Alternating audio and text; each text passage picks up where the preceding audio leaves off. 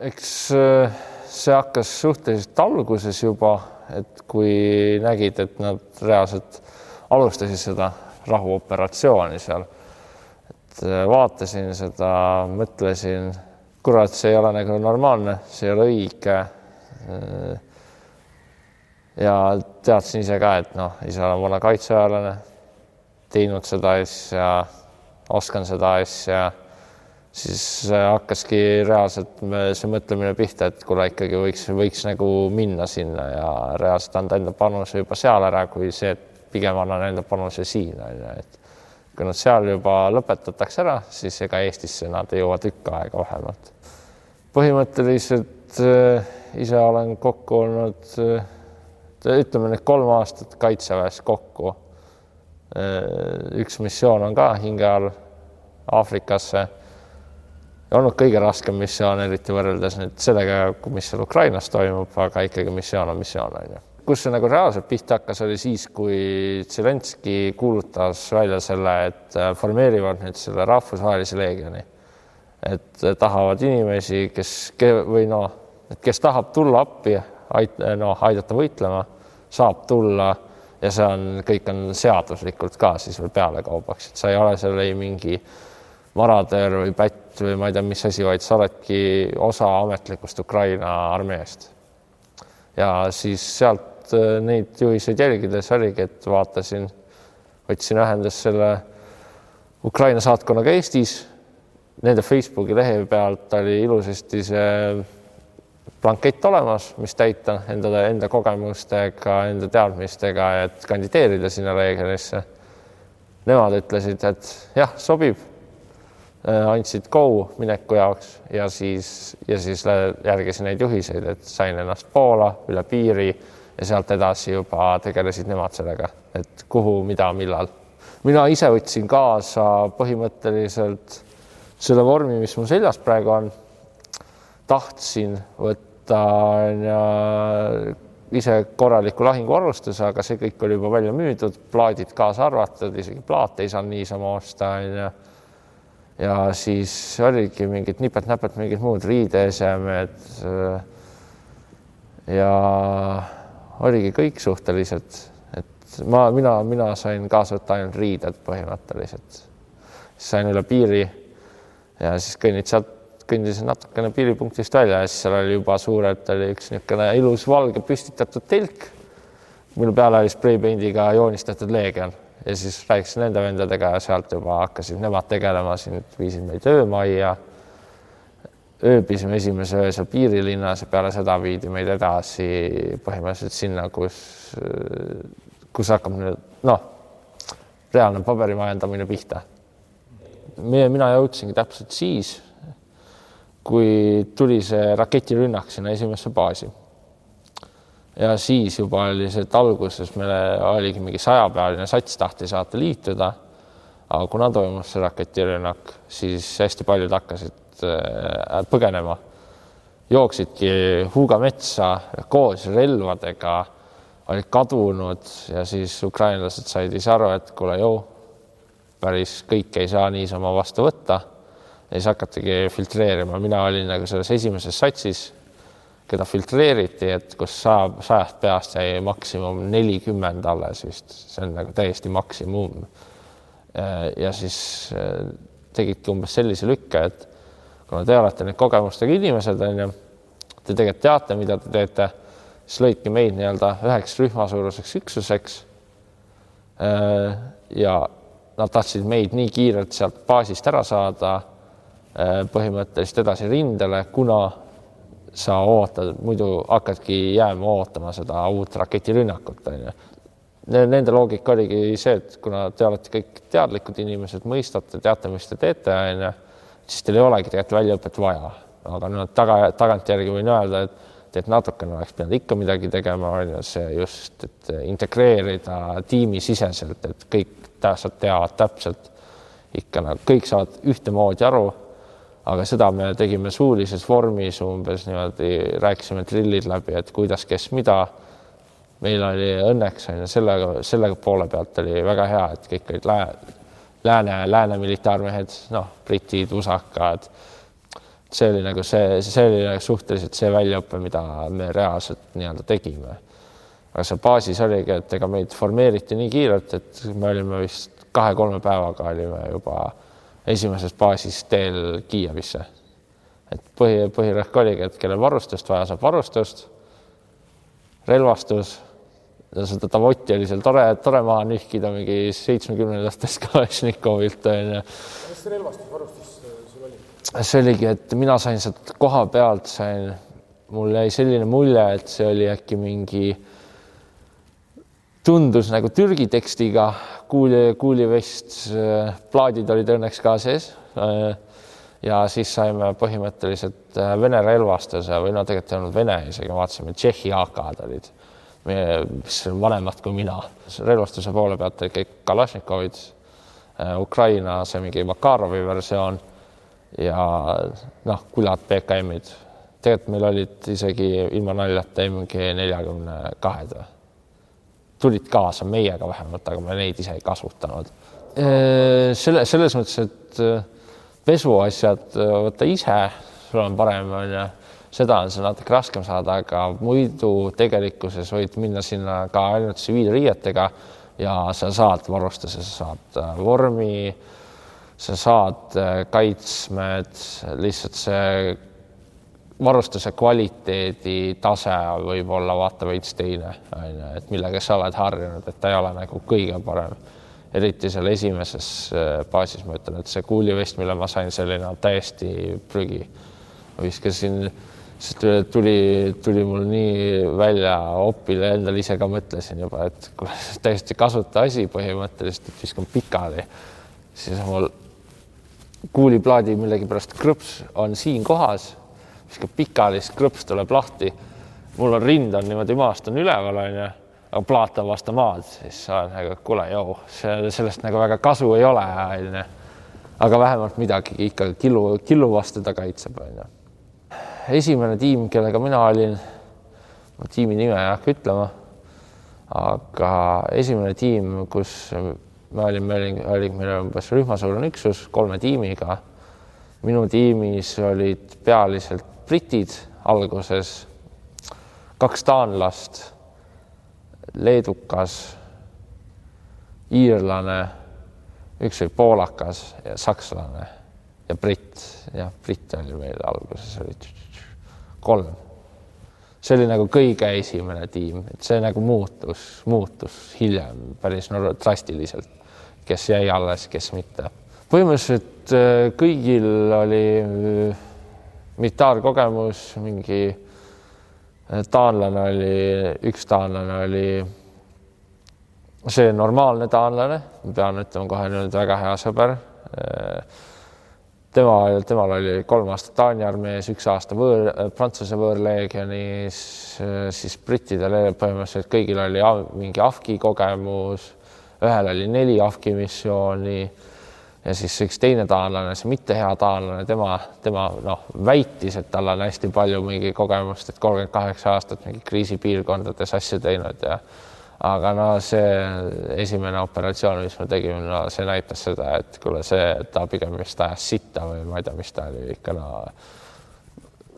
mõttetu vend, tema pärast no, niisuguse horrori pidime läbi kogema. no tegelikult mitte ainult tema pärast, üks teine vend ka britt, aga no me jõuame sinna veel vast. Meile anti põhimõtteliselt mõned päevad oli aega seal, et lihtsalt elad natukene sisse ennast, sätid enda varustust, räägid, noh vest-, suhtled, räägid, mõtledki, vaata, kuidas asju teha ja põhimõtteliselt Kiievis jõudsimegi olla vist on ju kaks päeva nii-öelda sisse elada ja siis me läksime juba esimesele operatsioonile äh, Irpini.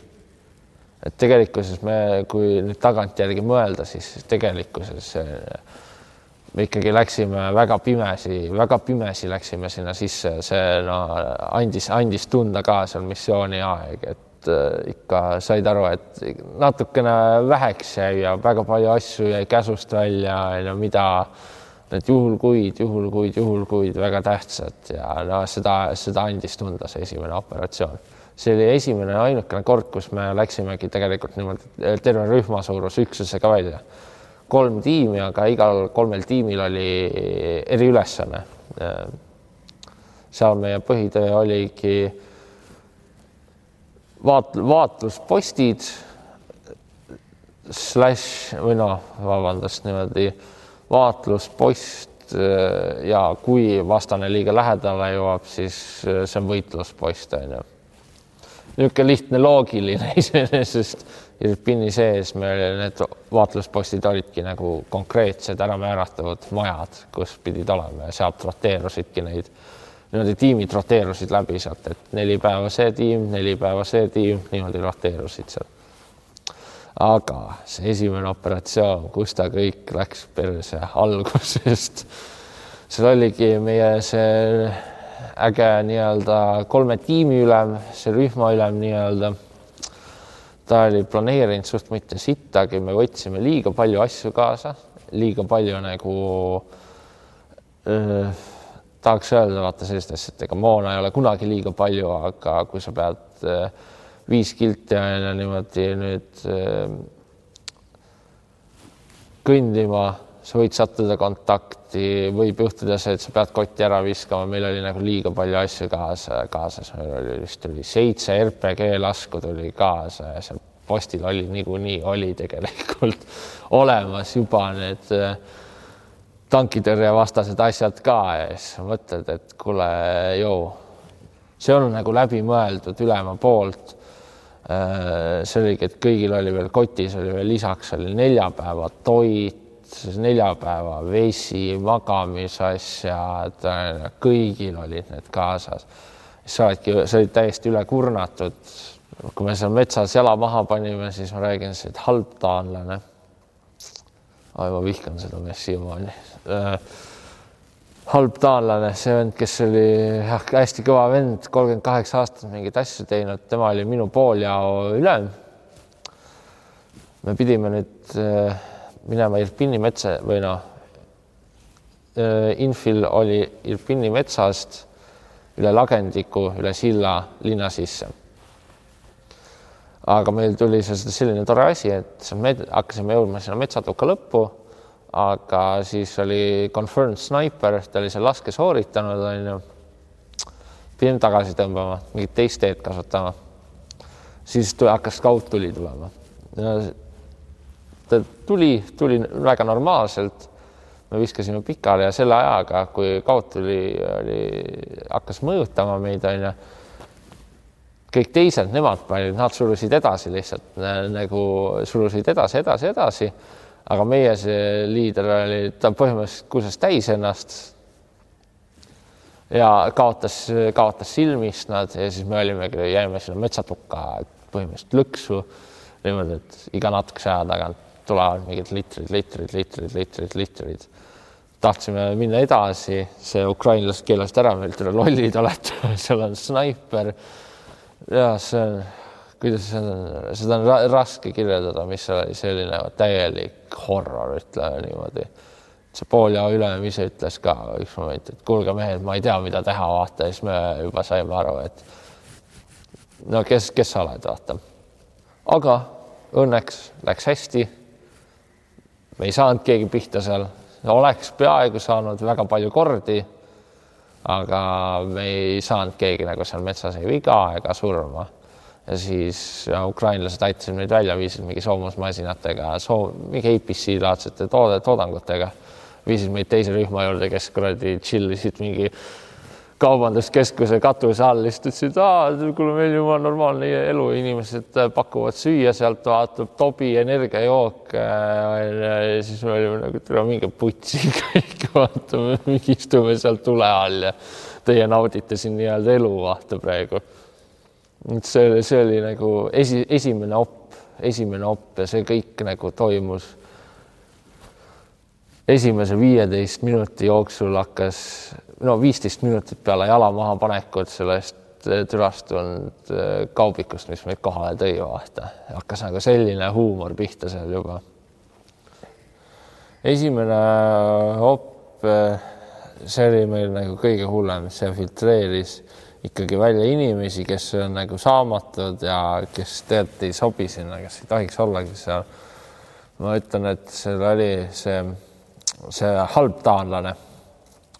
no see, see suutis ennast operatsiooni aeg purru-purru juua.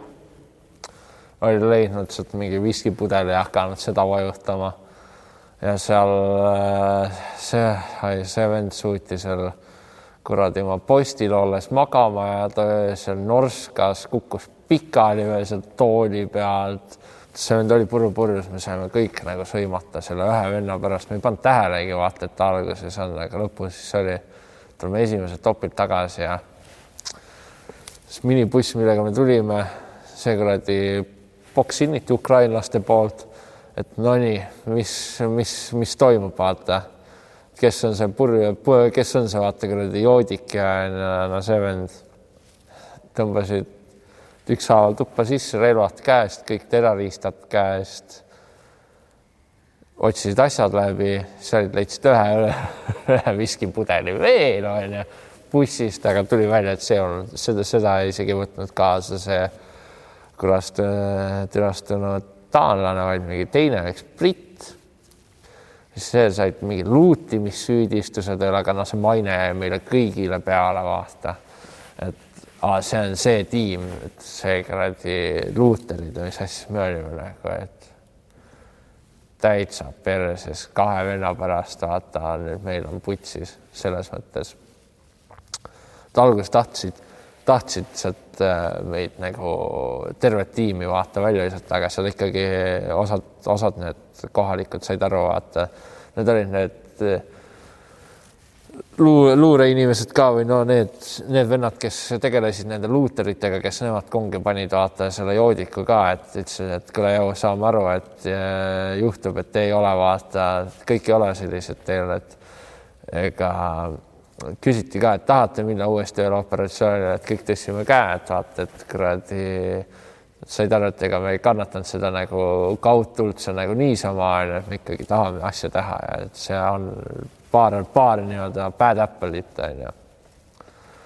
aga peale seda esimest üritust oligi üks vend veel läks minema, unustasin mainida, rootslane, tema läks minema, aga siis meil oli juba nagu selline tuumik olemas normaalsetest meestest oligi mingi kümnepealine tuumik oli olemas ja vot need olid nagu normaalsed, kõik olid nagu professionaalsed, tegid oma tööd ja siis oligi, siis tuli meie see halastushopp nii-öelda või no see,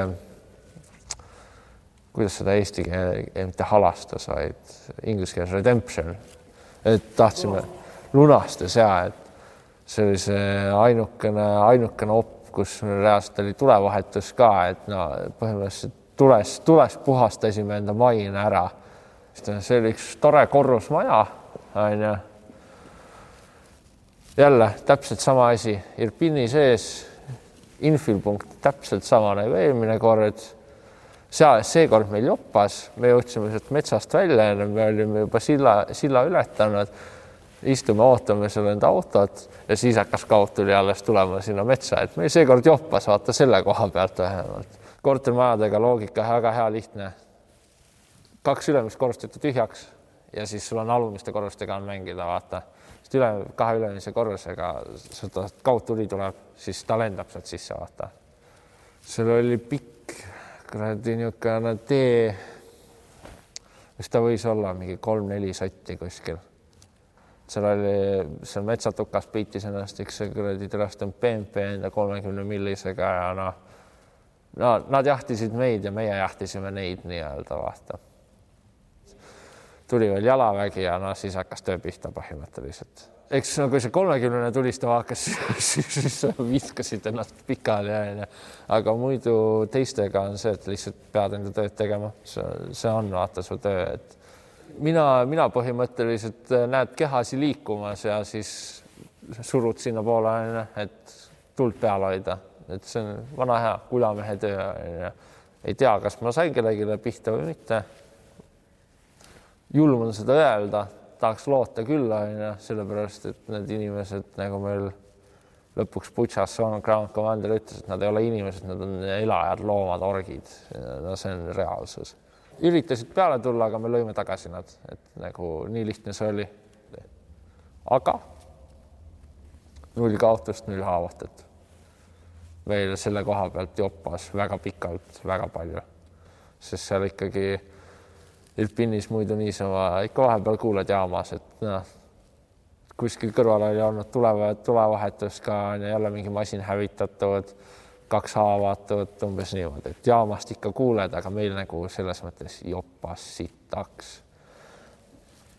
see on, ongi see, et võid vaadata, näed netis ka, et tegelikkuses on ju, nende sõduri tase on sitt, nende sõduri tase on sitt aga jälle see ei muuda seda fakti, et nad on sõdurid, neil on relvad, pluss neil on veel rasketehnika ka. et isegi kui on sittsõdur, sita, sitasõduri kuul võib pihta minna, vaata, nii et aga selle kaudtulega ütlengi lihtsalt niimoodi, et mina tegin endale niimoodi kindlaks umbes niimoodi, et esimene, kõige esimene asi, mis on, sa kuuled vilinat ja no kui sa kuuled vilinat, siis see on tegelikult isegi nagu hea märk, vaata, et sina ei saa pihta, aga sa kuuledki konkreetne vilin ja sul on, ongi mingi poolteist sekundit aega, et pikali visata, sest ta maandub lähedale sulle kuskile. sul ei ole midagi teha, kui sa, kui sa nagu niimoodi plaksu pealt läinud ise ei ole, vaata, siis leia see kõige sügavam auk, mis on, viska ennast sinna sisse ja looda parimat põhimõtteliselt aga majade sees võin öelda, et üks suur miinus on see, et sa väga ei kuule seda vilinat ja siis on see, et siis sa kuuled lihtsalt suhteliselt plahvatusi ja seal ma tegin enda jaoks selgeks seda, et kui plahvatus on nii vali, et ta teeb kõrvale vaata veits valu, siis ta on liiga lähedal juba ja siis peab juba nagu keldrisse kuskile minema või lihtsalt korterma, kõrge kortermaja sees, mina, minu loogika ütles, et kõige ohutum on vaata selline koridor et ühel pool on korterid, teisel pool on korterid, siis koridor on selline hea, hea niisugune keskpunkt on ju, kus olla, et kui ta külje pealt peaks sisse tulema. et see on see kaudtuli ongi see kõige niisugune jubedam ja hirmsam tapja seal. siis oligi, kaudtuld enam ei tulnud, põhimõtteliselt äh, ukrainlased ise ka ei saanud tegelikult väga hästi aru, mis toimub. et äh, siis oligi meil see OP, OP lükkamine muutus poole pealt põhimõtteliselt. plaan täiesti muutus, et pidime siis minema nii-öelda SF-ees ja legionärid niimoodi järgi vaata, puhastama Butšat. aga SF-i põhimõtteliselt jõudis sees minna, siis seal ei olnudki, et alguses öeldi, et oodatakse mingisugust vastupanu, aga seal reaalsuses oli mitte midagi meil oli planeeritud, oli jalgsi patrull läbi Butša, meie järgmisesse nii-öelda sellesse äh, joonele, OP-sse, jalgsi patrull planeeritud, aga see oli, et põhimõtteliselt ukrainlased ei peagi lihtsalt visati autode peale vaata või mitte autotee, vaid auto peale.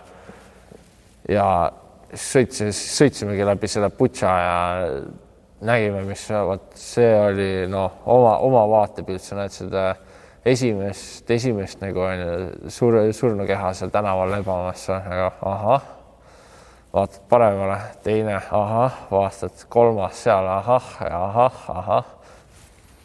hästi-hästi sürreaalne nagu kogemus, et sa, sa saaks aru vaata ka, et oleks, oleks siis on ju see, et oleks need sõdurid olnud seal on ju. et inimesed, kes, kelle noh kelle vastu see vaenlane peakski sõdima, aga seal oli nagu konkreetselt lihtsalt lasti, mida liiguti ja enamjaolt seal ei liikunudki sõdurid nagu Butša sees ega seal olidki, need, need olid kõik olid tsiviil, tsiviilid, kes lihtsalt, lihtsalt tapeti ära, vaata ja näed seda vaatepilti, siis sa oled nagu mida türa nagu, mis, mis, mis siin toimub, et see on nagu absurd ja no ega võin öelda, et see vaatepilt seal kõik, see tegi nagu meid kõiki nii-öelda verejanu liisemaks, et tahaks öelda maa, maapealne põrgu, aga no ma usun, et see, mis sealt Mariupolist millalgi välja hakkab tulema, vot see on, see on juba põrgu lihtsalt. seal oli, oli hästi palju oli neid, need venelased olid mingi neid kuradi kohalikke autosid ja need vanad, mis need olid, need gaasirekkad vist oli gaas minu arust. olid neid nii-öelda onju omastanud ja siis olid teinud S-blokaade ja siis need seal olid V-tähed olid kuradi vaata spreipeindiga peale tehtud, olid tehtud neid S-blokaade, sõidad neist läbi ja siis vaatadki, et noh, üks on nagu millegipärast kõige-kõige paremini meeles, ongi see üks, üks, üks spetsiifiline vana mees, väikse lapse tunne tuli, mõtlesin, et mingi, miks, miks onu seal kuradi onju jalakäija tee peal pikutab, onju, väljas on kuradi külm, vaatad, et aa, silmad on lahti, suu on lahti ja saad aru, et väljas on tegelikult onju mingi paar kraadi ainult. ei saa, ei saa nagu neid, seda vastast inimest, eks vaata, kutsuda peale sellist, sellist sündmust.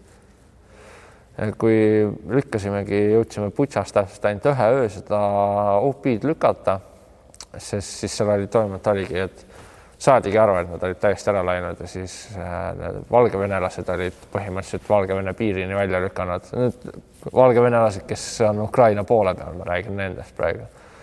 Nad olid põhimõtteliselt siis saadetudki niimoodi suhteliselt piiri lähedani välja vaata. ja meil otsest debrief ei olnud, aga meil see on-ground commander, kes meil oli, see on siiamaani austan seda inimest, see nagu väga-väga hea mees pidas, pidas, meil oli siis oligi kolm tiimi oli vist seal väljas äh, Leegionist, meie, meie nagu sealt kompa, nii-öelda kompaniist või sellest, siis pidas meile ka väikse sellise kõne maha, et ütles, et äh, rääkis, et kuule, just, just leiti ja, ja mingi, mingi massihaud, kus on mingi üle kahesaja inimese vaata sees ja kõik on tsiviilid onju, siis selle me, see mees ise ka ütles, et nad ei ole inimesed, nad on, nad on loomad, nad on elajad, et seal oli lihtsalt selline motivatsiooni nii-öelda väikene kõne tema poolt, et tänas ka, et te olete siin ja tahate aidata, et nagu vabatahtlikult tulete rahulikust riigist siia, tänas kõiki meid, et see otseselt ei olnud debrief, vaid lihtsalt inimene oli hästi tänulik.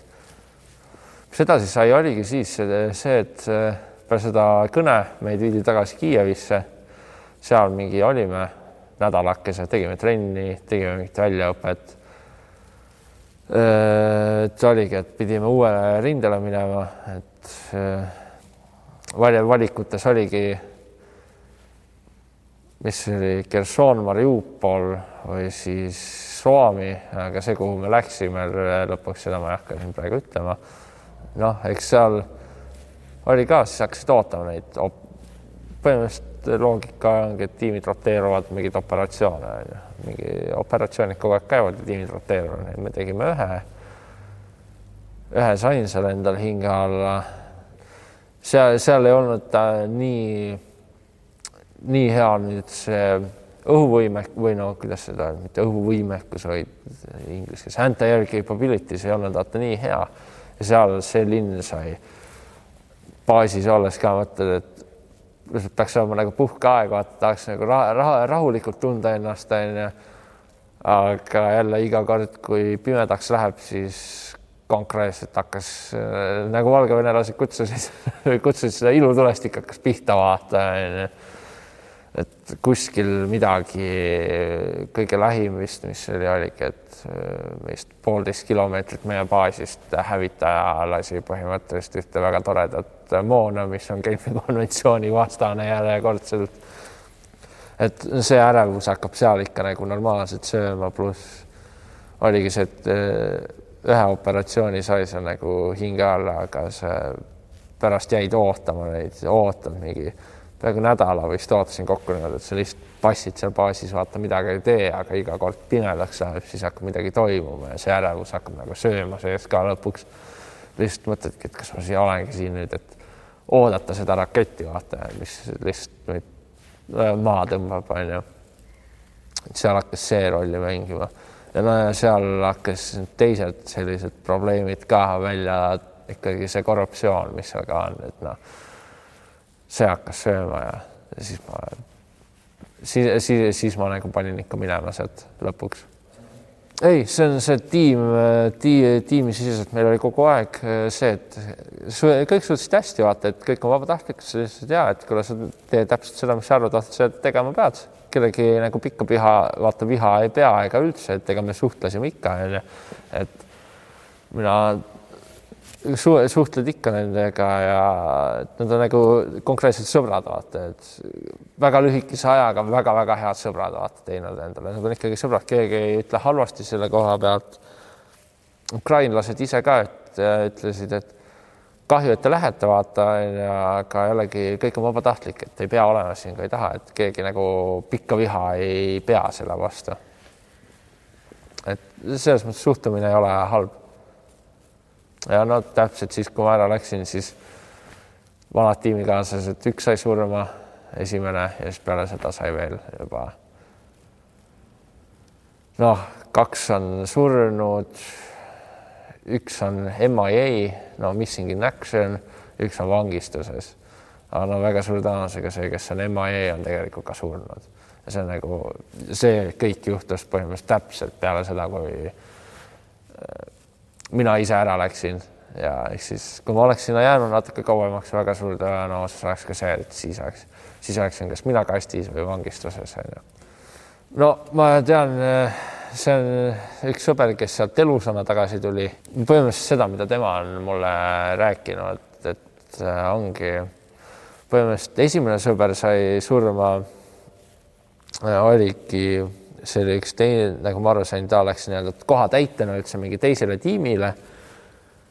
Äh, ja siis oligi, kaud tuli, maandus täpselt tema auku lihtsalt, tal oli finito, aga siis ülejäänud teised olid, nad läksid nagu ma aru sain, mis teised äh, tii, elusad tiimiliikmed ütlesid, olidki, et läksid ka täpselt samasse kohta äh, operatsioonile, kus või noh, positsioonile, kus sai see esimene vend surma, et oligi ka väga suure tõenäosusega see, et kättemaksu, vaata see selline tunne ikka, et peab nagu kätte maksma ja, ja siis kuskilt olid äh, tuld saanud nagu šahvi side seal ei töötanud, siis olid kaks venda olid läinud kuskil suunas uurima, kas need olid ukrainlased või mis need olid, onju.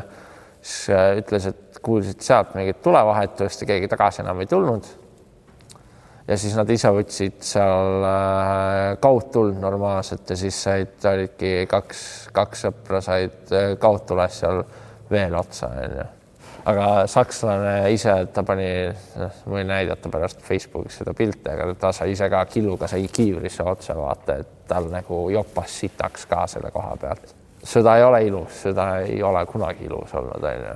Et see on see, mis ma tean nagu nende, nende surmade kohta või mis on nagu toimus, et ma ütlengi, et meil joppas väga pikka aega, kuni, kuni ei jopanud enam, onju, nii-öelda tiimi mõistes, et see, see on, see on ikkagi sõda, vaata, et seal juhtub selliseid asju. tal alguses kindlasti tekib selline see tunne, et sa oled äh, surematu, vaata eriti kui eladki mingi niisuguse normaalse tulevahetuse üle, kaudtuli pole ka sind võtnud, keegi pole pihtagi saanud, ikkagi tekib vaata natukene selline naiivne surematuse tunne, aga reaalsus on see, et see võib juhtuda niimoodi ja kõik finito. oleks ma seal olnud, siis ma oleks võib-olla läinud. Aga jällegi ma ei olnud seal ja nüüd ongi see, et nüüd on lihtsalt päris, päris, päris mitu kuupäeva on ju, kus, kus peab viinapitsi panema. see mind saadeti, sealt saadeti tagasi Kiievisse, sealt pandi rongile Lvivi, Lvivis olin sõpradega. alguses oli plaan see vabatahtlike asja teha, onju. aga no siis said kõik surma, siis see nagu vaimselt vaata ka hakkab mõjuma juba ja sain aru, et kuule ikka, ikka peab, peaks vaata koju minema, onju. siis sealt oligi, et äh, bussiga Poola ja Poolast bussiga tagasi Eestisse. mõtled veel tagasi ka minna? ma mõtlen, ma nagu jah, olen mõelnud, aga kui, kui siis mitte sõjategevust tegema, äh, sest räägin, mul on nagu ikka kerge sitamaik on vaata onju külge jäänud, et ma võin seda ilusamalt öelda, et noh, enda kogemustega ütlen, ma pigem ei läheks vaata sinna sõdima.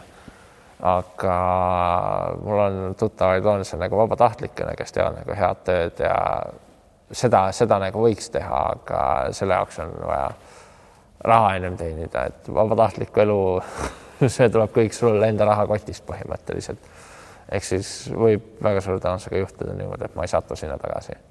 tahaks, aga ei tea veel vaata. siis, kui sa olid nagu sõdur, et palju sul tavaliste Ukraina inimestega kokkupuudet oli? Sa mõtled nüüd tsiviilisikutega? võin öelda niimoodi, et Irpinis oli kõige rohkem ja Butšas ja ma ei ole vist kunagi elus näinud nii tänulikke inimesi, kui nemad olid.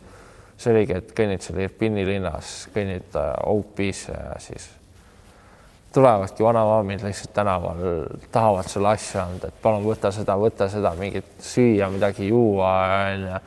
aga no ei taha, ei taha, ei taha seda nagu vastu kaotada, sest neil on nagu ikkagi palju raskem, need on nagu need inimesed, kes ei põgenenud ära, kes ongi, nad elavad vaata konkreetselt rindel, kus on iga hetk võib tall katuses sisse kukkuda, see kaotada siis nagu väga, väga tänulikud väga,, väga-väga tänulikud.